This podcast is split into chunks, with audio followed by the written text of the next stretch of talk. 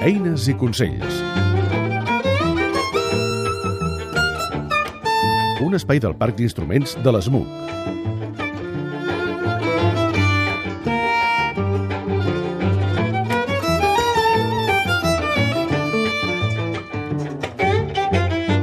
Avui parlarem del clarinet.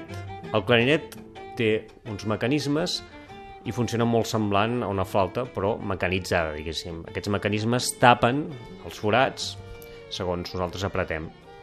Aquests forats, perquè siguin hermètics, porten el que nosaltres anomenem sabatilles. Les sabatilles no són les sabatilles d'anar per casa, sinó són uns elements que es posen en aquests mecanismes i fan que el forat es tapi hermèticament. Aquestes sabatilles, per quan bufem i es condensa l'aire i, i genera aigua, es mullen.